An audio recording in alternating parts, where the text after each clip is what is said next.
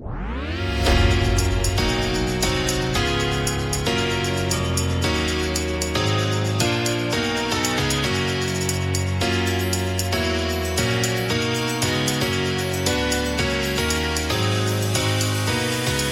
men välkomna tillbaka till Bladets handbollspodd med eh, Robin Hutte Nilsson, det är du och Johan Flink, det är jag och Andreas Stockenberg är inte här. Eh, känns det tomt Robin? Utan Stocken? Lite gör det faktiskt det. Men eh, ja, jag tror att vi ska nog kunna lösa detta idag också. Ja, vi har ju varit med ett tag. Eh, vi har faktiskt kört fler avsnitt utan eh, Stocken än, än med honom. Även om han har förgyllt det och kommer förgylla lite då och då. Ja, det är, han sprider ju energi och man vet liksom aldrig riktigt vad som ska komma från den där lösa kanonen. När han ska få sina utbrott. Ja, precis. Det kan ju komma när helst man eh, inte anar det. Jag såg nu att eh, han verkar ha Jonas Kjellman på kroken. Till eh, Am, Amo i framtiden. Det Amo och Växjö skulle ha något samarbete. Kjellman lite nyfiken på detta då som, som gammal Växjö eller Växjökille. Eh, och, och eh, Stocken skrev väl någonting där. Nu väntar vi bara på dig. Och, och han var ju... Jag menar Kjellman är ju, är ju inte ironisk på det viset. Inte på Twitter och skojar utan han sa ja, men det låter intressant. Eh, hjälpa till med spelet och kunna bidra eller vad han skrev. Så, som tränare då ju. Mm. Eh, ja, vi får väl se. Jag tror nog att eh, jag tror faktiskt Kjellman är, är, är menad för, med all respekt till Stocken, Amo och Växjö, för, för större uppgifter ganska kort efter karriären. Nu är han ju och, och verkar ju höja Benfica här ett snäpp. Eh, ihop med då sin, sin eh, gamle kompis Chema Rodriguez som vi väl har trott skulle bli en, en bra tränare. Nu är han ju, det var väl han som var i Ungern va? Lite assisterande så tror jag. Mm. Eh, och han har ju tagit över Benfica och tog dit Kjellman. Och eh, de slog ut eh, Rein Eckerlöven i eh, det här European League. I, i dubbelmöte. Eh, Kjellman har varit bra. Eh, jag har inte sett och försökte faktiskt. Eh, eh, Ja, jag var ju i Ryssland, det kan vi återkomma till. Jag har precis kommit hem här. Eh, skulle försöka se den i efterhand på här IOF-TV men, men den hade inte lagts upp då ännu, dagen efter. Eh, men eh, nej, jag tror nog Kjellman med, med de kontakterna han har i, i handbollsvärlden och alla gamla polare som har blivit tränare i rätt stora lag så tror jag jag tror han går in och blir assisterande till, till någon av dem eh, här när han lägger av och sen kanske redan i Benfica. Jag tror jag frågade honom faktiskt när han blev klar med Benfica om det fanns en, en färdig plan för att han sen skulle ta en tränarroll där. Men det var för man sa att det inte var så. Eh, han ska väl spela den här säsongen så får vi se. Han verkar aldrig riktigt sådär vara klar över när han ska sluta heller. Verkar tycka det är kul att spela. Ja, och han är ju bra fortfarande. Men eh, det är jag... Eh, eh, är det en framtida svensk förbundskapten? Ah, så långt eh, är väl, ja, men det är lite väl att dra det. För det, det, där ska man ha respekt för, för, eh, för det ämbetet. Men, men, eh, ja, men jag vet ju att Staffan Olsson, det har jag säkert nämnt i den här podden många gånger, och ju, eh, alltså de fick ju någon connection kanske. Men jag kände som var framförallt Staffan och, och Kjellman under hans eh, Kjellmans sista år i landslaget. Där. Det var väl liksom Olssons sista år som förbundskapten också. Men eh, att Kjellman blev väldigt involverad i, i spelet och så. Mycket, ja, det var väl liksom defensivt. Men det var lite så här Tobbe Karlsson och han, eh, Tobbe defensiven kanske och Kjellman eh, framåt. Så, eh, och där tror jag för mig Staffan sa det att han såg en framtida tränare i varje fall. Så eh, ja, han får, ju, eh, han får ju visa vad han går för först som, som tränare såklart. Men eh, ja, men kanske. Eh, kanske är det en förbundskapten i framtiden. Mm. Eh, du har varit i Ryssland och tittat på, eh, vågar jag säga, lite meningslös Champions League-fotboll. Ja, vi eh, tog några minuter här innan. Det är ju torsdag tidig eftermiddag vi spelar in. Jag har precis kommit hem. Du, du hade sagt det till, vad var det, till kollegorna? Ja, men vi snackade, om det, på, vi snackade om det på jobbet igår när man sitter och har det på i bakgrunden Malmö. Det var nästan som man liksom ja, ger Malmö pengarna och så låter dem slippa spela. Så hade det besparat oss alla eh, onödigt arbete. Ja, jo. Jag tycker det är rätt kul att, och att, eh, alltså det är ju det är alltid kul att resa i jobbet om man säger. Man får ju, man får ju se en del. Kanske inte, man hinner inte se så jättemycket på de här korta när det bara är en match. Så, men, men man har rätt så goda minnen. Man kommer till lite andra städer och så. Eh, med de här. Det har ju varit rätt många de senaste tio åren är det nu man har jobbat här nere med, med MFF. Mycket kvalmatcher och, och lite så. Men den här, eh, jag vet inte eh, om jag börjar bli gammal eller eh, liksom så mycket strul med visum och PCR-test och, och, och otroligt tidiga morgnar både när jag skulle åka i tisdags och nu här i, i morse. Eller jag åkte ju i natt egentligen. Jag tror klockan var, jag gick upp klockan tre svensk tid i, i natt och då hade man sovit tre timmar efter matchen. Nu ska jag inte beklaga mig för det är fantastiskt ändå för att åka och titta på Champions League. Men Nej, om det är värt det. Och det pratade jag med. Jag hade följe med Erik Edman. Vi reste ihop eh, på hemvägen. Och Edman hade ju bara åkt. Jag åkte ju ändå som sagt tidigt i tisdags morse så att jag hade ju ett par, eh, så någon presskonferens och pressträff i hotellet och så kunde göra lite. Men Edman hade ju åkt, eh, alltså åkte ju igår på matchdagen på onsdagen. Eh, och gick upp då lika tidigt som jag. Sen hade det ju, och vi bodde inte på samma hotell. Jag visste inte ens att han skulle åka med det här planet. Sen hade vi ju följe hela vägen till hem här till Helsingborg. Han bor ju här ju. Eh, fick faktiskt eh, fixa tågbiljetten till honom när vi... Först fick jag honom att springa igenom hela Kastrup så vi skulle hinna med eh, första bästa tåg. Jag skulle hinna hem och podda med dig. Så. Då fick han haka på där och sa Fan, biljett sa han. Ja men det, jag, jag köper här på, med telefonen. Ja, för han, han hade ju inte det. Han har ju inte den appen inlagd. Jag trodde för övrigt jag uh, frågade honom eller rätt sagt så visste jag inte för vi skildes åt i Frankfurt, vilket var jävla struligt där vi mellanlandade. Alltså du fattar också Sankt Petersburg ner till Frankfurt och sen upp till Köpenhamn. Det är ju det är inte den närmsta vägen heller. Eh, men så tänkte jag så, fan om vi nu hamnar på olika helt på planet så. Eh, så jag kanske inte liksom ser honom förrän vi landar på Kastrup och, och sådär. Så jag drog ett sms till honom att eh, det är inte så att du har bil eh, på Kastrup och kan man snika skjuts i så fall? Och då svarade han Fan, tror du jag är miljonär eller? Nej, det blir Pågatåget. så vi tog Pågatåget. Men i varje fall när jag satt där vid gaten i Sankt Petersburg i, i natt eh, och väntade. Och jag var väl hyfsad tid så, lite lagom. Så helt plötsligt stod Edman framför mig och eh, var ja, svettig i stort sett. Och då hade ju eh, hans taxi strulat och kört fel och allt. Alltså han hann ju precis att han hann med planet. Och då sa han vilken jävla fiaskoresa. Så ja, då var det nära du hade fått vara kvar här. Ja du fy fan, jag störtar hellre med planet än stannar i det här jävla skitlandet, sa han. eh, och så tittade han på mig och sa, fan jag har inte varit i Ryssland, sa han. Och då ska ju ändå det här, Sankt Petersburg, vara best of Russia, sa han. Ja, jo det, det, det kanske det är. Det är en fin stad på många sätt. Alltså otroliga fina byggnader och ligger vid vatten. Lite så här som Stockholm nästan. Eh, men tillbaka till det att eh, bara på tal om det hade besparat många, ja som sagt det här den här resan var, kändes mest... Eh, det blev mest jobbigt av alltihop och så plus då resultatet och hur det såg ut och sådär. Men det är ju lite så man har fått känslan i MFFs, när man lyssnar på spelare så alla och, och, och Tomasson att eh, ja men det här är bara bonus och eh, ja men lite som du är inne på. Det, det, de verkar liksom helt ha köpt det här att det viktigaste var att ta sig in, klubben får alla pengarna sen så kvittar det helt hur det går. Det, vi såg ju igår, det är en jättetuff grupp med Zenit som liksom tredjesidade laget. Det, det, där finns det i alla fall lite lättare. Man har haft lite mer chans. Så det är en riktigt tuff grupp men det är som att de har gett upp på, helt på förväg. Vilket man sällan hör ändå. Det, så länge hoppet finns så brukar man alltid få höra kanske lite naivt ibland och det kan man kritisera spelare och idrottsmän också för. Men, men eh, lite sådär är det som att, eh, jag vet inte, jag frågade Christiansen igår efter matchen. Så, vad, ser, du någon, ser ni någon chans att och ta tredjeplatsen som då blir slutspel i, i Europa League. Så sa han, men ska vi vara ärliga var det väl 1 chans innan gruppspelet och det, det har inte blivit den har inte blivit större nu efter två omgångar och 0-7. Eh, det om det. Kanske vi ska lämna fotbollen.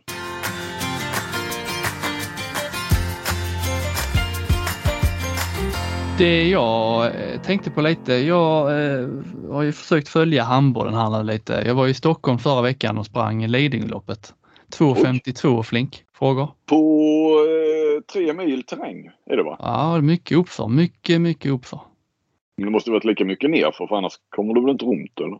Ja men du vet nerför är det liksom inte så att det är någon uh, liksom viloperiod. Ja det är lika jobbigt. Alltså, du får, ja, ja. Det är brant nerför så att det, det går liksom inte att, att bara släppa. Utan man måste hålla emot. Negativ träning och statisk träning. Men det är ju eh, ja, det är imponerande. Eh, nej men eh, lite sådana här, jag, jag, har lite spaningar från, eh, från det jag har ägnat eh, min handbollsbevakning och tar nu i väntan på eh, kanske framförallt då för min del Kristianstad-Skövde på fredag när publiken då kommer tillbaka. Bland annat har, jag då, har, du, har du, du har sett det här Instagramkontot, va? Handball Leaks? Mm. Har varit duktiga på att avslöja internationella övergångar. Uh, har ofta en, en svansföring som, är, som man reagerar på. Det är väldigt mycket så här, vad var det vi sa? Kolla här vad duktiga vi är. Det skrev vi för en månad sedan. Lite så. Uh, I alla fall, så la de ut, eh, när var det? Det var, fall det var en vecka sedan kanske. Eh, det hade ju snackats lite om att Robert Hedin skulle till Mälsungen. Det har du kanske sett? Ja, ja. Och sen blev det ju inte så. Eh, du, är det klart med den här? Nu blir det Parondo va? Ja. Det är, ja. Klart, det är klart. Men så läste jag lite om Hedin. Eh, jag läste den först på den här Handball World, en intervju med honom på engelska som eh, var översatt från en intervju som Handbollskanalen hade gjort med honom. Och han hade ju mycket riktigt blivit erbjuden jobbet. Men han tackade då nej och det var lite det eh, anledningen till att han tackade nej. Har du sett det? Nej. Eh, han hänvisar då till, eh, ja, dels att han har, ja, han, fruns jobb var lite, ställde till det lite. Men framförallt handlade det då eh, om att han, eh, de höll på att renovera huset. Så det passade sig inte så bra. Tänkte på det, jävla konstig anledning att tacka nej till ett eh, tyskt toppjobb. Och han varit där innan och så och vet vad det handlar om men men ändå, liksom, man kommer nästan tänka på så saker man själv blir, om man själv får en förfrågan på jobbet om att göra någonting eller man får, eh, ja det kan vara ett jobberbjudande eller det kan vara eh, uppdrag av, av, olika slag som ja, lite jobbigt så. Men man, man känner att man borde kanske göra det här för att utmana sig själv. Mm. Men, men, men är det inte något man liksom hittar eller letar någon slags anledning till att inte göra det. Lite, jag skulle vilja säga lite när du i början, när vi började, när du undrade om vi skulle börja podda. Då var det så, ja, det här borde jag ju göra. Det blir ju säkert kul. Men, Men du letade lite? Jag letade lite så, kan, kan jag verkligen detta? Jag visste att det är liksom bra att utmana sig själv. Men håller vi inte på med något annat? Har jag tid till detta? Ja, vi, vi renoverade också faktiskt huset just vid den tidpunkten. Så det var, det, så därför jag tyckte det var jävla märkligt. Så det, om jag hade sagt det till dig. Ja. Nej, det går inte. Eh, vi renoverar huset. Vad hade du sagt då? Liksom? Ja, jag vet du hade kliat dig i huvudet och tänkt att det var lika. Du, ja, ja, att du skojade och du verkar ju inte, det här verkar du verkligen inte vilja ju. Eh, om, om, du, om det är den anledningen. Eh, nästan så, säg hellre att du inte vill då. Ja. Ja. Nej, men jag vet inte om du känner igen dig så när man liksom får något. Man vet att man borde hoppa på men samtidigt så letar man, man försöker hitta något, något någon anledning som skulle kunna mm. sätta käppar i hjulet så att man liksom slipper ha den här eh, prestationsångesten hängande över sig. Eh, jag tyckte det var att renovera huset, att man skippar ett Bundesliga-jobb för det. Ja men det blir ju lite speciellt. Du hade ju förmodligen inte behövt outa det heller. Men han säger ju det i en intervju dessutom så... Ja. Ja. ja. Nej. Jag tyckte det var roligt bara. Eller märkligt. Men, rolig och märklig. Eh, jag har aldrig, jag försökte hitta lite så här konstiga anledningar till, till att folk tackar nej till, till jobb eller proffserbjudanden och så men det, eh, det är sällan det liksom dyker upp sådana här eh, guldkorn. Mm. Mm. Ja, Flink. Det är ju den 30 september idag när vi spelar in. Igår öppnade det upp för publik. Det har du noterat? Ja. Den första svenska matchen då, eller första handbollsligamatchen som spelades med publik var eh, Guif Alingsås. Den såg inte du för den satt jag och tittade på igår samtidigt ja. som Malmö spelade. Eh, var väl ingen liksom man tänkte eh, inte, det var ingen publikfest så, det var tusen pers ungefär. Lite Eh, ett par hundra personer mindre än vad de hade som snitt innan pandemin, Guif. Igår var det också efter Guif där och också samtidigt som Guif så var det ju Champions League-kväll även i handbollen. Mm. Många jämna matcher. Många jämna matcher. Eh, Elverum spelar lika 27-27 mot Zagreb. Flensburg, Paris 27-27. Ja, alla matcher var egentligen jämna. Vardar, Ålborg 30-28. det är vi inte bortskämda med. Mm. Nej, det är vi inte bortskämda med. Men jag satt ändå där och, och, och, tänkte exakt det du tänker. Uh, fan, mitt i matcherna. Och det är jämn, jämn match. Det är Flensburg-Paris liksom. Det är ju en toppmatch. Alltså det här borde man ju verkligen brinna för när man tycker om handboll.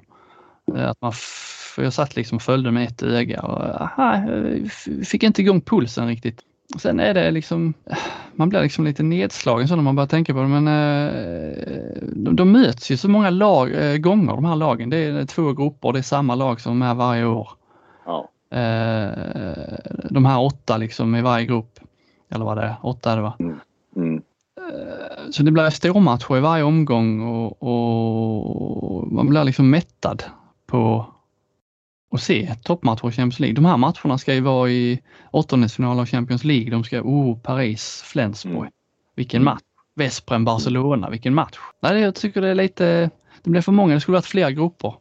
Ja, och de gäller ju inte så mycket heller. Alltså nu är ju, kan man ju se rent tabellmässigt efter tre matcher ligger ju Flensburg rätt risigt till. Men, mm. men eh, de lär ju, eh, det lär de ta igen när de får tillbaka sina skadade spelare och, och lite flyt och sådär. Men eh, alltså de, ja, de här topplagen de går ju vidare ju. Det är ju ändå ett, par lag i varje grupp som är, som är klart svagare.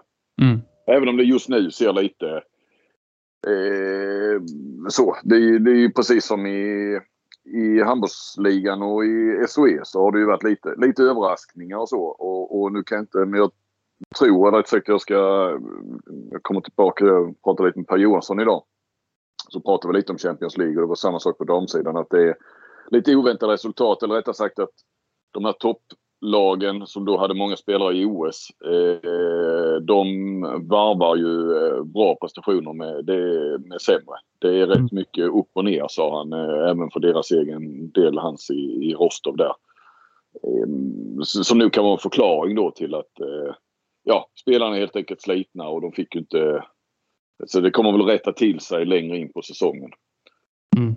Eh, men det kan ju vara en förklaring till att vi ser lite de här. Sen är det ju kul att det blir lite jämnare för det, det brukar ju inte bara att det är ointressant från början så brukar det bli rätt så ointressanta matcher.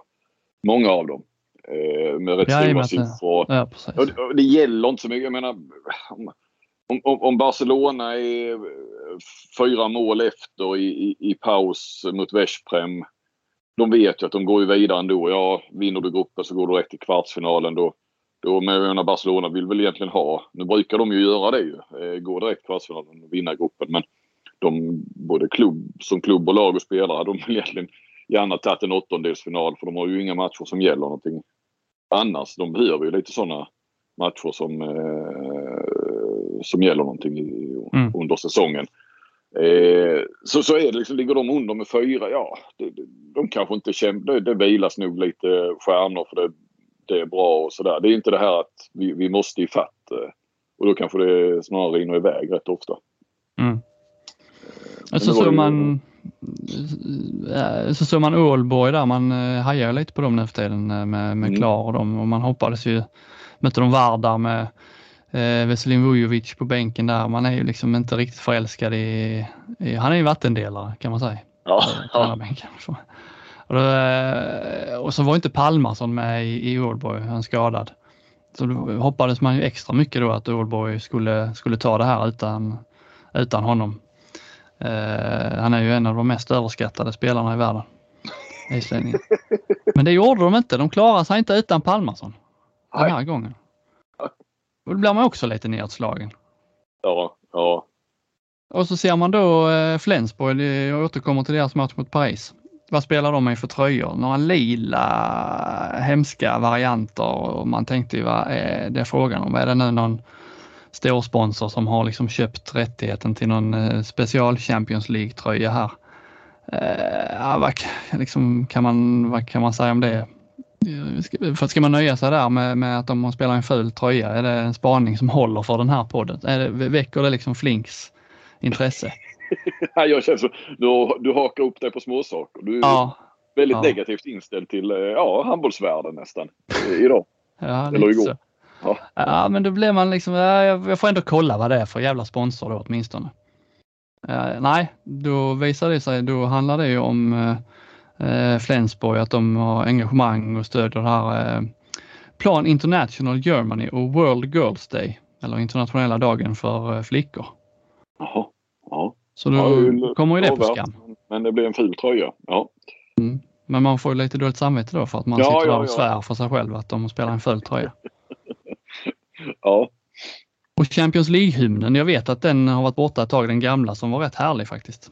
Eh, har man precis suttit och hört Malmös där, ja den är ju mäktig liksom. Den är ju är väl inkörd och precis när handbollen har kört in sin, ja då har de lagt ner den och kört någon eh, annan variant där det är någon som sjunger och lite trummor. Eh, ja, då blir man ju eh, nästan irriterad. Men det var ju en Ja. kul sak från Ja. Champions League-kvällen. Eh, det har du säkert noterat från, eh, från Twitter. Eh, Kielce mötte ju de här Motor eh, och så eh, Zabrocce, ukrainarna. Mm. Mm. Eh, De missade alltså sju av nio straffar. Jaha, det hade jag missat. Jag vet inte om jag har sett det någon gång. Den här ehm, eh, målvakten i Motor, Gennady Komok, kan lite om honom faktiskt. Sju av nio tog han. 77 procent i straffräddningsprocent. Det... Vi hade väl en, eh, var det inte en Balkan-målvakt i, i något danskt lag i både Europa League eller någon, någon Europamatch väl? För, I förra säsongen. Som, eller var det förra igen? Som tog väldigt många straffar. Jag skulle bara säga Mm. det att det, det var något liknande där minns jag svagt. Ja.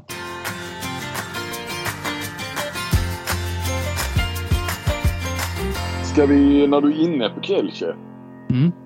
så eh, kan vi ju... eh, Det är svårt att låta bli då. eh, Och så vi nämnde vi Åke Unger. Och, eh, och sen han, är han ju då agent såklart åt eh, det nya liksom svensk handbolls kanske senaste stjärnskott eh, Elliot Stenmalm i, i RIK. Eh, och eh, Kielce styrs ju nu, eller han är väl president, Bert, Bertus Serv, Servås tror jag det uttalas. Han är väl holländare egentligen. Något sånt här. Han är vet- holländare, ja. ja. Säljer kläder. Eh, verkar ju vara en fantastisk eh, figur. Alltså, karismatisk och liksom har dratt in här i handbollsvärlden eller nästan sportvärlden med eh, ja, kör med öppna kort. Han eh, satt väl och, och så Elliot Stenman på, på tv i U19-EM och eh, imponerad. Tänkte han vill man ju ha ju. Undrar vad han har för agent. Hur tar jag reda på det? Ja, jag slänger ut på, på Twitter eh, och frågar. Det är väl någon jäkel där ute som vet. Eh, och jag tror Rasmus Boysen, danska oraklet, snappade upp det och skrev att eh, typ jag vet, du kan eh, köra DM med mig, alltså direktmeddelande. Så. så jag gissar att det var där han fick det då. Och sen så gick det ju en eh, månad och eh, var det ju förra veckan. Eh, var väl på torsdagen där kanske. Då spelade Kielce hemma mot Veszprem och eh, då, har ju, då twittrade ju Åke Unger att han var på plats i Kielce. Eh, fick jag veta på, eh, på fredagen där. Eh, Unger blockar ju mig fortfarande så att jag, jag kan inte se några av hans.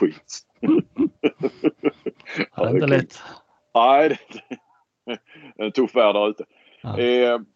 Men eh, jag fick höra det i varje fall. Så att eh, tänkte jag ska försöka få tag i den där Servos. Han verkar ju liksom... Ja men han snackar liksom med alla på Twitter. Eh, känns det som. Han svarar och han lägger, lägger ut allt möjligt sådär. Så att eh, ja, jag fick ju kontakt med honom där och, och ställde lite frågor. Och, eh, om, om varför Åke Unger var där. Eh, och om det hade med Stenmalm att göra. Och, eh, det- där var han ju lite så här svävande. Han skrev att, eh, Stenmalm, att de vill ha Stenmalm och så ju. Men när det gäller Åke Unger så, eh, så sa han ja, Åke var där men jag var inte i Kielce igår. Eh, hade någonting med Stenmalm att göra, det vet jag inte. Eh, han var väl kanske där och kände på atmosfären bara. Ja. Så ringde jag Stenmalm, pratade med honom och, och eh, berättade då vad hans Servos hade sagt. Och så sa jag, ja men eh, din, din agent var ju på plats igår. Eh, och, och eh, vet ju att Kielce då vill ha dig och sådär. va. Nej, det hade han inga kommentarer till. Så, nej, så la vi på. Och sen så bara slog det mig, fan nu efter några timmar där, eller ett par timmar så jag hade inte börjat skriva grejen. Eller rätt sagt så började jag skriva så kom jag på det. Fan, Stenmark kanske var på plats också. Eh, kanske inte bara Unger som, som var där. För att eh, RIK stod ju över den här omgången om man ska säga. De, de spelar ju inte där. Det var ju en del matcher då i de dagarna i handbollsligan. De skulle inte spela från 1 oktober. Det, det krävs ändå lite sån lucka oftast för att en spelare ska kunna åka och, och träffa mm, eh, en, annan, en annan klubb. Så att jag drog ett sms till, till Stenman lite senare där då. Så är det så att, eh, att du var på plats. Fick inget svar. Eh, jag provade ringa också, han svarade inte. Jag tänkte, ja, men då får jag kolla med RIK för de måste ju veta då ju om, om, om han är på plats måste han ju tillåtelse då så. Smsade Henrik Lundström, sportchefen, eh, på kvällen där. Eh, fick inget svar. Tänkte jag, jag kan, behöver inte skriva ihop det. Jag var på jag heter systerson fyllde år sådär så att jag, jag väntar till imorgon får jag väl tag i dem. Ska jag skriva den på lördagen där. Eh, eller skriva till det sista där. Jag måste ju ta reda på om Stenman var där eller inte. Och så mm. började jag eh, smsa Lundström igen på förmiddagen där på lördagen och provade ringa en gång också. Jag prova med Tony Larsson, klubbchefen. Eh, svarade inte, ingen svarade. Så, så ringde Tony Larsson upp då och så, så är det så att Stenman, eh, var han med där? Så, ah, det vet jag inte men, men han har tillåtelse och eh, lite så. Mm. Ja, men då hänvisar till Lundström. Eh, det är liksom ändå mer sportsligt så tar det med honom. Jag ska se till att han hör av sig och sådär. Så. Eh, så fick jag sen ett svar från Lundström där att eh, Ja, det var ett väldigt märkligt svar där. Han hade inga kommentarer till det. Han, han det lönar, håll inte på att jaga mig. Smsa, du kan prova att smsa och ring och så kanske jag svarar till slut på sms. Och jag, ja. Och sen så, det var inte klubbchefens bord. Fråga inte honom om detta. Och så, så var, kunde jag förklara. Det var det mest märkliga eh, svaren jag har fått sa jag. Eh, skrev jag till honom. Men jag har ju sökt det precis som du ville att jag skulle göra. Ju. Eh, ja, så alltså, jag vet inte. Ja, han backade väl lite och, och, eh, och, och så, så får inte, hur kan jag veta att en klubbchef inte får uttala sig i, om sådana här saker? Det är ju rätt vanligt inom handbollen och fotbollen att klubbchefer gör det. Eh, och det får då, man ju säga.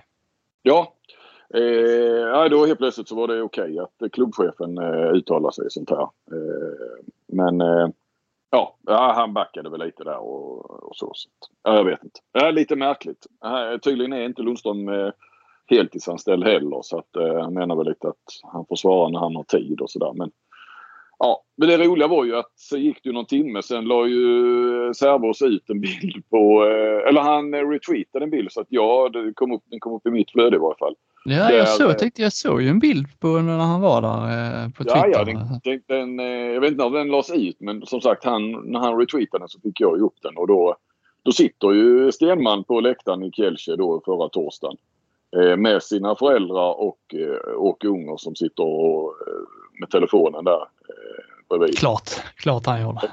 Ja, ja, ja, det är ju många spelare. många hålla reda på. Ja, hålla reda på. Eh, Plus han måste ju hålla koll på, på, eh, på vad som händer i fotbollsvärlden också eftersom han är kommentator. Så, att, eh, så det, det blev ju lite komiskt. Så jag skickade den till Servos också där att, eh, med en liten smiley då. Bilden då. Han var smiley tillbaka. Så där, så att, han, han, hade ju, han hade ju absolut inga problem att, att eh, bekräfta grejer liksom och sådär. Det var lite så här glimten i ögat. Jag blev bara så förvånad att att det var så känsligt för RIK. Jag menar, som sagt, alla vet att Kielce vill ha Stenman och, och han var där. Och, ja, trodde de att det inte skulle komma ut? Eller varför kunde de inte sagt att han har tillåtelse till det? Det är väl liksom inte... Det bästa är ju, det här är ju, det här är ju liksom en som fullst kan bli en sån jäkla jackpot för RIK. Hade jag varit dem hade jag bara skeppat ut Stenman på olika besök när helst det passade. Alltså när han sitter på ett så långt kontrakt. Så nu finns det möjlighet här att, att hämta hem lite cash om det är någon som vill hämta honom eh, före. 24 har han kontrakt till va? Ja precis, precis.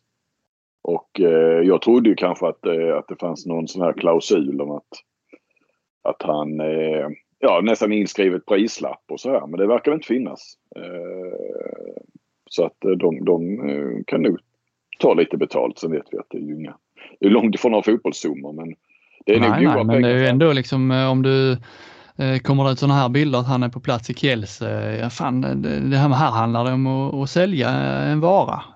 Alltså man är cynisk. Ja. Ja, ja, ska bara pumpa ut bilder på Stenmalm på olika ställen i Europa så kommer det ju stressa och sätta lite fart på, på klubbarna. Ja, ja. Det var lite överraskande att, att handbollen, liksom svenska, en svensk klubb blev så, så hemlighetsfull på det viset. Ja. Ja. Ja, eh, det ska bli roligt att följa Stenmalms öden och äventyr.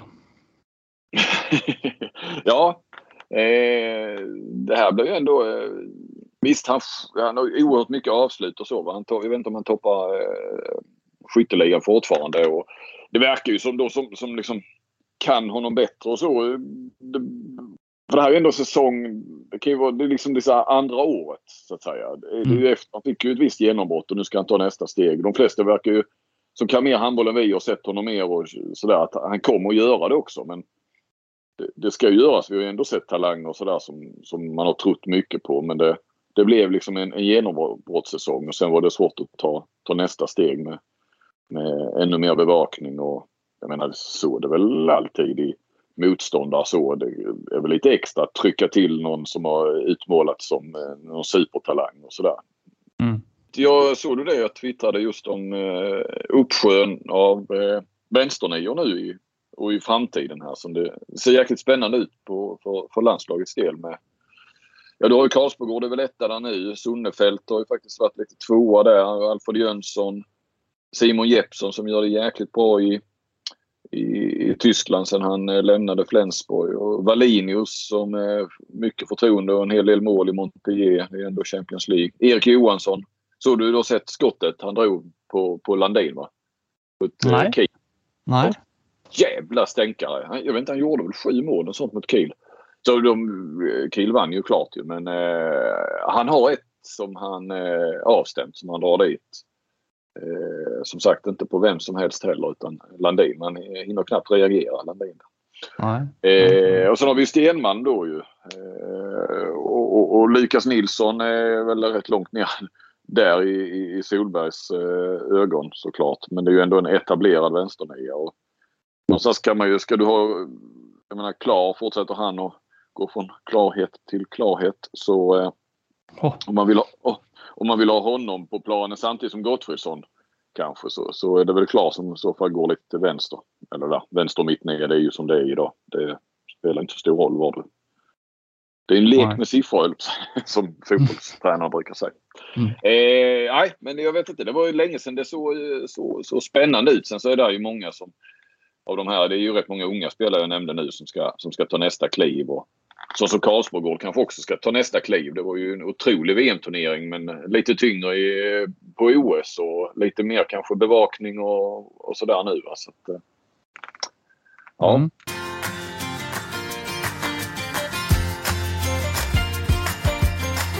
Ja, flink. Annars är det ju inte, det är ingen större, större svensk representation i de europeiska cuperna. Malmö åkte ut mot Toulouse. Det är ju Sävehof i European League. Ystad IF har också åkt ut eh, tidigt i European League-kvalet där. Nej, men det är väl något jag har funderat lite till och från och ett tag funderat på. Jag vet inte riktigt hur jag skulle göra, ta ett grepp kring det eller vad man ska säga. Eh, men det landar nog bara att det blir ett, en, eh, ett segment som man brukar kalla det i de här sammanhangen, i podden. Eh, men det, det, det aktualiseras lite av att det är ganska eh, blekt då eh, svenskt deltagande i Europacuperna Eh, känslan är väl också, för några år sedan hade vi IFK Kristianstad som man trodde och de själva hade väl lite som mål att, att bli bäst i Skandinavien och slog väl Kolding där då som kanske var bäst i, i Danmark då. Eh, och nu så känns det ju som Elverum är ju före. Jag säger inte att norska ligan är bättre, absolut inte. En, en, en, alltså så totalt sett än den svenska eh, handbollsligan. Men, men eh, värva Erik Johansson och så. Och sen har vi ju danskarna Ålborg såklart som, som eh, förra säsongen och, och, och deras satsning. Eh, GOG som eh, också eh, satsar. Bjäringbro är ju alltid där och Skjern. Eh, det känns som eh, svenska klubbarna där har blivit lite frånsprungna på något vis. Alltså nu är det väl Sävehof då som, som är bäst och ska vara bäst och är mästare. Men jag vet inte. Det, ju, det, blir ju aldrig riktigt det draget kring Sävehof. De, fantastisk ja, det, det, men de har väl ingen liksom heller någon eh, så här känns det som i alla fall någon slags målsättning om någonting. Eh, I alla fall Nej. inte på, på här sidan att det ska hända någonting i Europa utan Nej. allt rullar på liksom. Ja, men lite grann så. Eh, där var ju Kristianstad stack ju ut där. Eh, på, på något vis ju. Såklart, det där vet vi ju alla. Eh, nej, så började jag fundera lite grann. Var, var, eh, och sen har vi ju förstås det här Kolstad-projektet i Norge också som, som ju verkar vara på allvar. Det, ni kan ju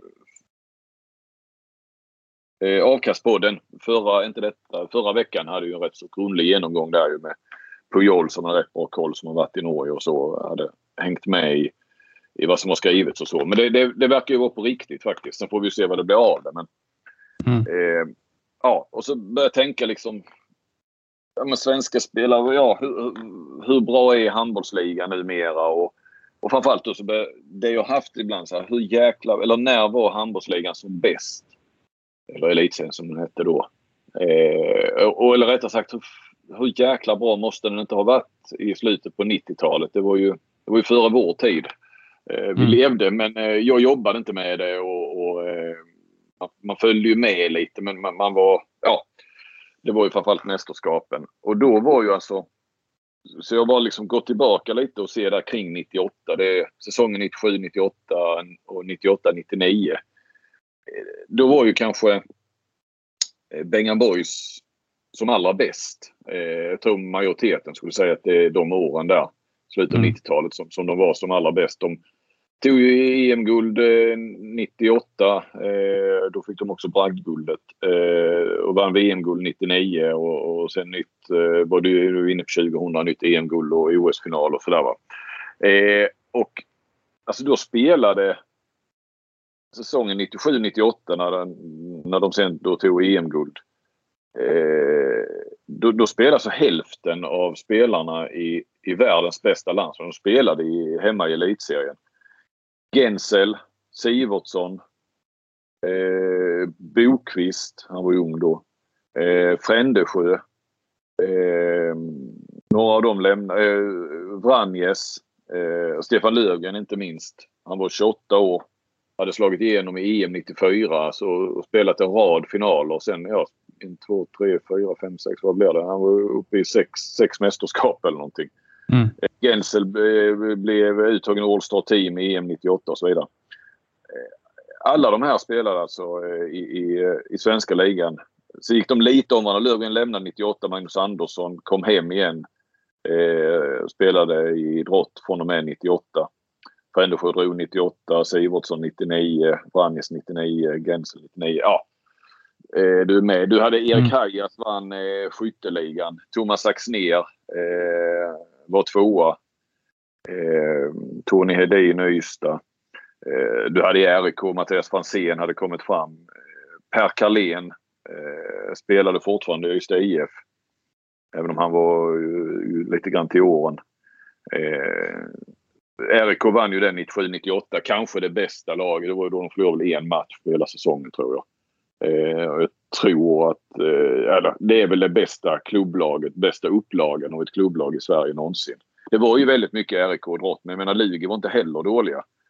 Eh, men Drott hade ju sådana så här elits, oerhört bra elitseriespelare i Henrik X Andersson och Magnus Weberg. Som, de hade ju förmodligen spelat i landslaget om det inte hade varit sån fruktansvärd konkurrens. Ehm, Eh, du hade i, i, i, eh, i Lugi också där med Momi Flemmis då. Eh, Brajkovic, Christian Eriksson.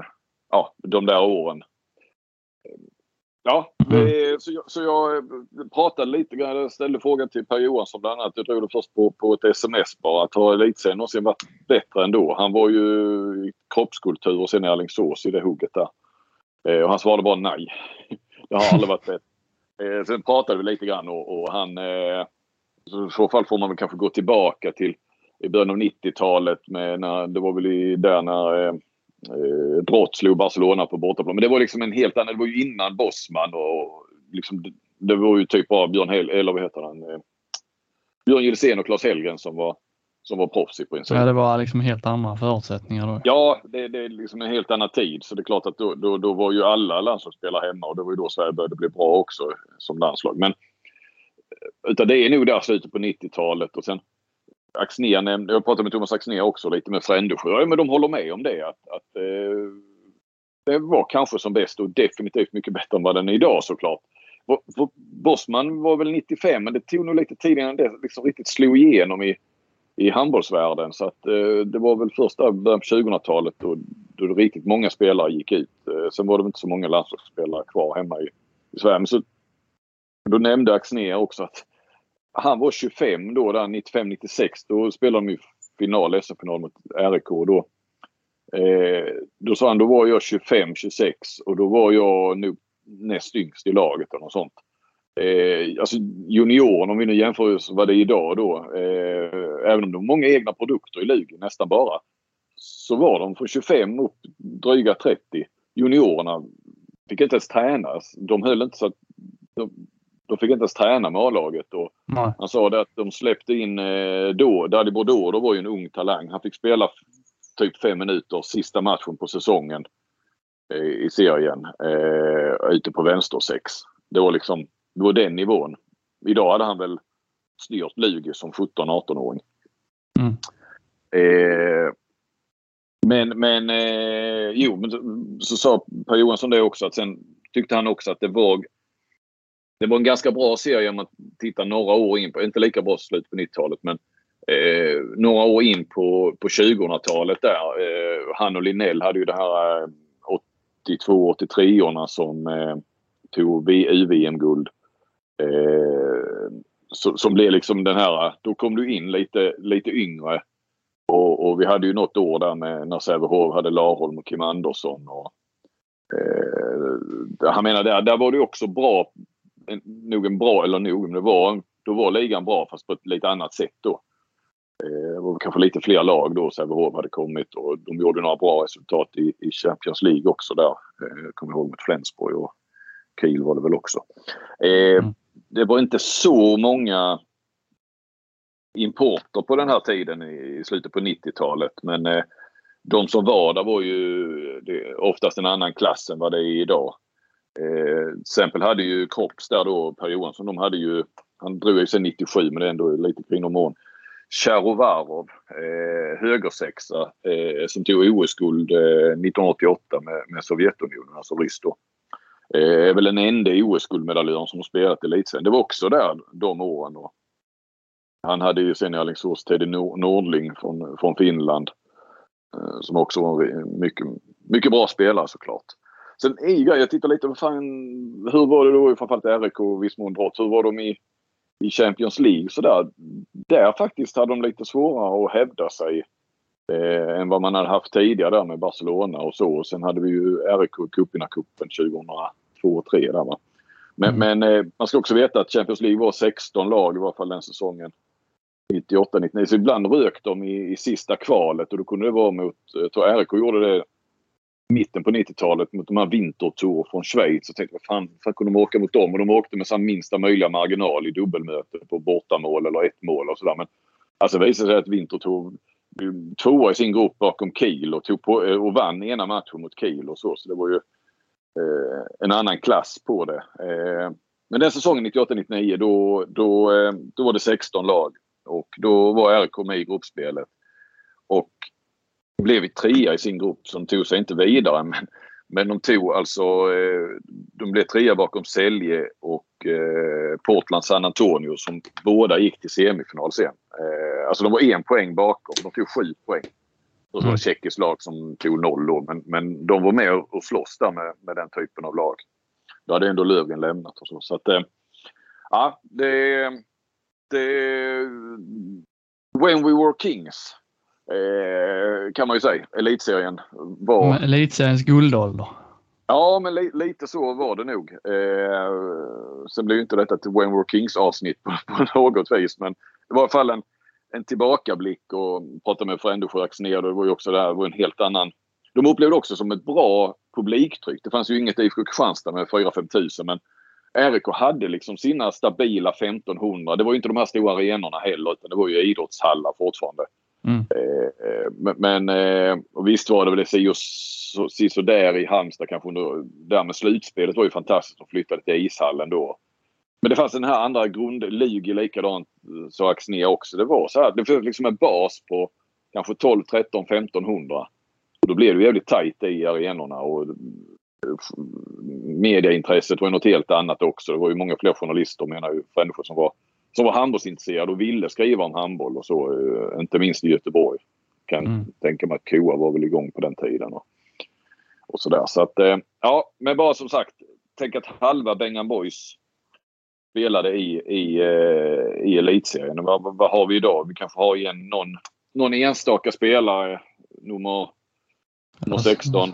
Precis, 14, 16 i truppen. Ja, och då, och då är han, blir han ju snabbt eh, proffs. Ja, men vi hade ju Edvardsson till exempel i, i VM och nu är han ju eh, i Bundesliga. Eh, så det var ju, eh, ja, det var ju någonting, något annat och visst det var ju mycket omständigheter och, och så som gjorde det. Och, eh, alltså kring Bosman och jag vet inte till och med vissa länder höll, ligor höll väl liksom fast lite längre med det här med, med eh, antal utlänningar och sådär. Så fick de väl ge sig på, på Bosman och så. Det var ju bara liksom de allra, allra största som, som var ute. Staffan Olsson och, och Wislander och Thomas Svensson och Mats Olsson. Och, men hur hade klubbarna, var det liksom, fanns det någon eh, ambition med Europaspelet eller det? Ja men RIK hade ju... liksom vad det blev? Ja men RIK hade ju det och jag vet ju att Drott har ju haft det. De har ju satsar ju tidigt på Europa och det här liksom erfarenheten och spelade väl, åkte rätt mycket utomlands då på försäsongen och spelade matcher och sådär. Och, och som sagt, de gick väl också till semifinal i både Europacupen och cupvinnarcupen. Eh, så, så det fanns det ju. Det, men det är lite det jag saknar nu. Att, att ja. eh, jag kan förstå lite, liksom, jag fattar det här med ekonomin att, att, eh, att klubbarna liksom, ja, det får bli vad det blir för att det ger ändå inga pengar så det finns ingen anledning att satsa på någonting som inte betalar sig. Men samtidigt straffar det sig nu för nu börjar det liksom ändå, nu börjar det bli mer och mer pengar i de här europeiska cuperna och eh, är Sverige liksom inte, eh, är man inte med då så så riskerar man att halka ännu längre efter för att, för att man inte eh, får några inkomster den vägen. Alltså jag menar Kristianstad gick ju i European League i fjol utan publik då på en enda match. Gick de ju ändå plus minus noll, lite plus kanske. Mm. Eh, just för att de lyckades ta sig vidare och få lite få lite prispengar den vägen också. Så men det finns ju, eh, anstränger man bara sig lite så finns det ju möjligheter nu. Och i Champions League är ju liksom, där har de ju höjt eh, prispengarna eh, en hel del så att där finns det ju, alltså det är dit, det är dit man, man borde sikta. Ja, och det känns som i både i Norge och Danmark finns det, finns det ju sådana eh, helt andra målsättningar, alltså klubbar med, med sådana uttalade målsättningar om Europa på ett annat sätt. Så att, eh, nej, lite oroväckande. Mm. Ja, bra Flink. Vi tackar så mycket för detta och eh, vi börjar väl också bli dags att runda av eller? Ja, det är det nog. Vi har väl snart kört på här en, en timme. Ja. Det innebär att vi är tillbaka igen om eh, två veckor. Då ska vi eh, kanske ha med oss stocken igen. Ja, vi får se. Vi känna på honom lite. Ja. Man, eh, men han, om man har någonting att säga, det, det behöver man inte känna efter så länge. Det lär han nog ha. Ja. Eh, tack för att ni har lyssnat. Tack ska ni ha. På återseende eller lyssnande. Hej på er.